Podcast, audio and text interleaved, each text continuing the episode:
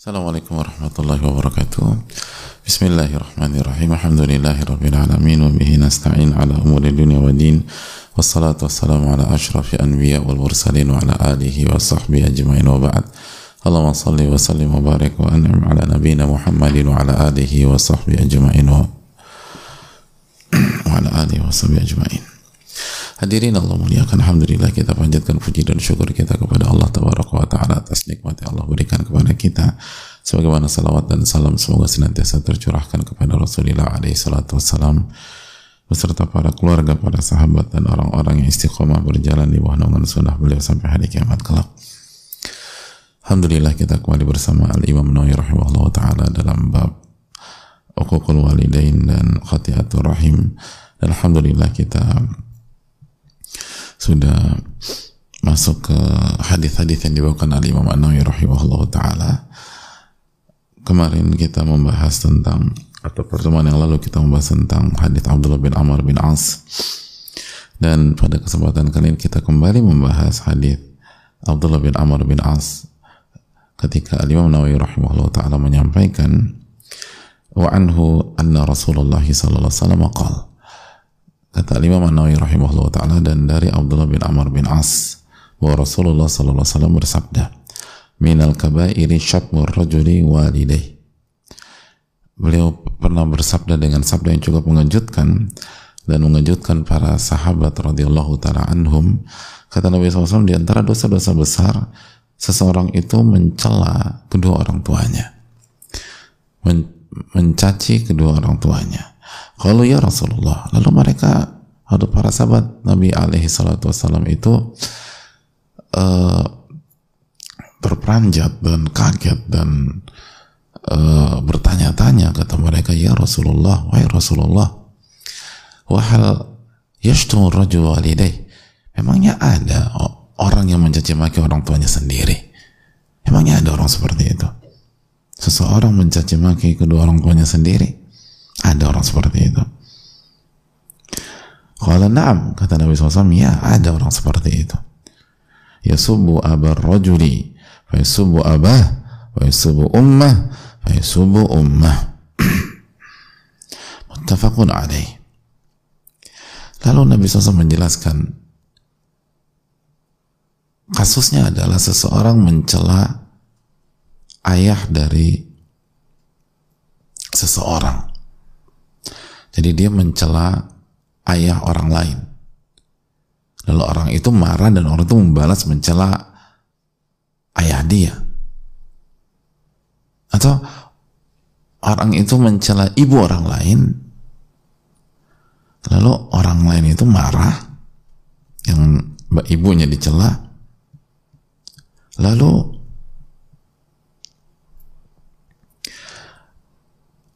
orang yang marah tersebut mencela ibunya mencela ibunya hadirin Allah muliakan.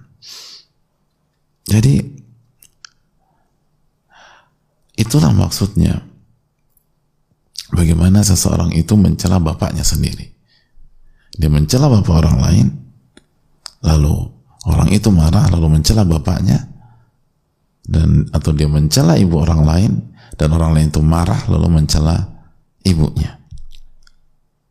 Dan itulah yang dikatakan Nabi kita alaih salatu wassalam seseorang mencela orang tuanya sendiri. Dengan cara mencela orang lain lalu orang lain itu mencela mencela dirinya. Maaf mencela uh, orang tuanya. Mencela orang tuanya. Dan dalam riwayat dalam riwayat inna min akbaril kabair. Dan di antara dosa-dosa besar yang paling besar yang paling besar. An yal'ana rajul walidayh seseorang melaknat kedua orang tuanya sendiri. Seseorang melaknat kedua orang tuanya sendiri. Lalu lagi-lagi para sahabat terkejut dan berkata kira ya Rasulullah ya Rasulullah kaifa yal'anu rajul walidayh qala yasubbu abar rajul fa yasubbu abah wa yasubu ummahu fa yasubu ummah. Seseorang mencela dan mencaci ayah orang lain maka orang lain itu marah lalu membalas mencela ayahnya.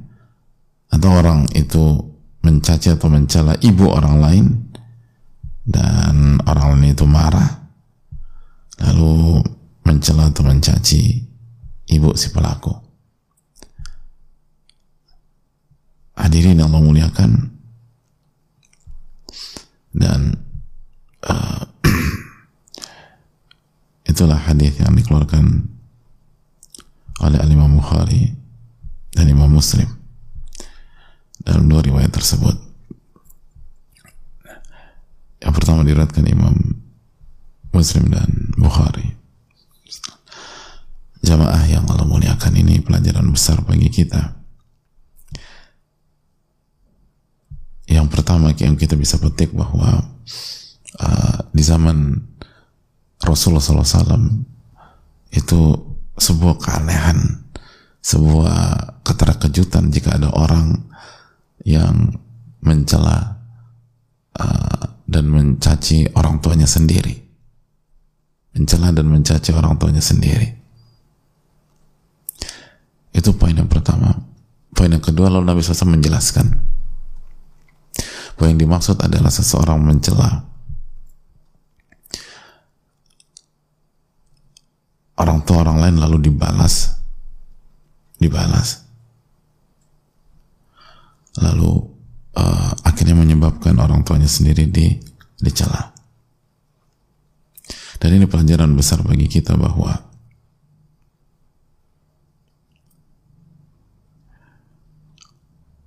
ini pelajaran bagi kita bahwa jangan pernah mencela orang tua orang lain. Karena apabila itu terjadi dan dia marah, maka itu membuat orang lain itu mencela orang tua kita dan kita jatuh pada dosa besar. Yang paling besar. Jatuh ke dalam dosa besar yang paling besar. Maka dari sini timbul hukum hadirin sekalian bahwa jika jika seseorang mencela orang tua orang lain yang membuat orang lain itu marah dan mencela orang tuanya itu dosa besar dan itu salah satu dosa besar yang paling besar. Lalu bagaimana dengan orang yang mencela orang tuanya secara langsung? Bagaimana dengan orang-orang yang mencela orang tuanya secara secara langsung?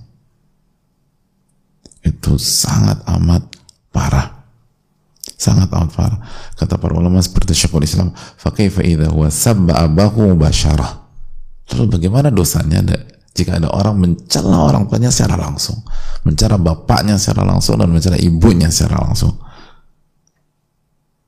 Wong mencela orang tua orang lain aja dihukumi oleh Nabi SAW sebagai mencela orang tua sendiri dan dosa besar. Dosa besar. Ini hal yang perlu kita camkan. Lalu pelajaran yang kedua kata para ulama barang siapa yang mengerjakan atau mencela orang lain atau mencela orang tua orang lain maka sekali lagi dia dihukumi seperti dia mencela orang tuanya sendiri. Seperti mencela orang tuanya sendiri. Dan ini adalah dosa besar yang paling besar dan pelajaran yang ketiga sekali lagi bagaimana jika para sahabat Nabi SAW melihat kondisi sebagian orang pada hari ini. Di zaman Nabi SAW, itu orang tuh bingung, ada ya orang kayak gitu. Tapi hari ini terjadi bukan satu dua kasus, tapi banyak kasus. Oleh karena itu, marilah kita renungkan hari ini sekalian. Bagaimana sikap kita dan lisan kita. Dan jangan sampai sikap kita dan lisan kita itu membuat orang tua kita dicela orang dan dimaki orang. Dan akhirnya kita terjatuh ke dalam kedurhakaan. Karena kitalah penyebab orang tua kita dicela dan dicaci oleh orang lain semoga Allah memberikan taufik. Kita akan lanjutkan insyaAllah di pertemuan berikutnya. Wassalamualaikum warahmatullahi wabarakatuh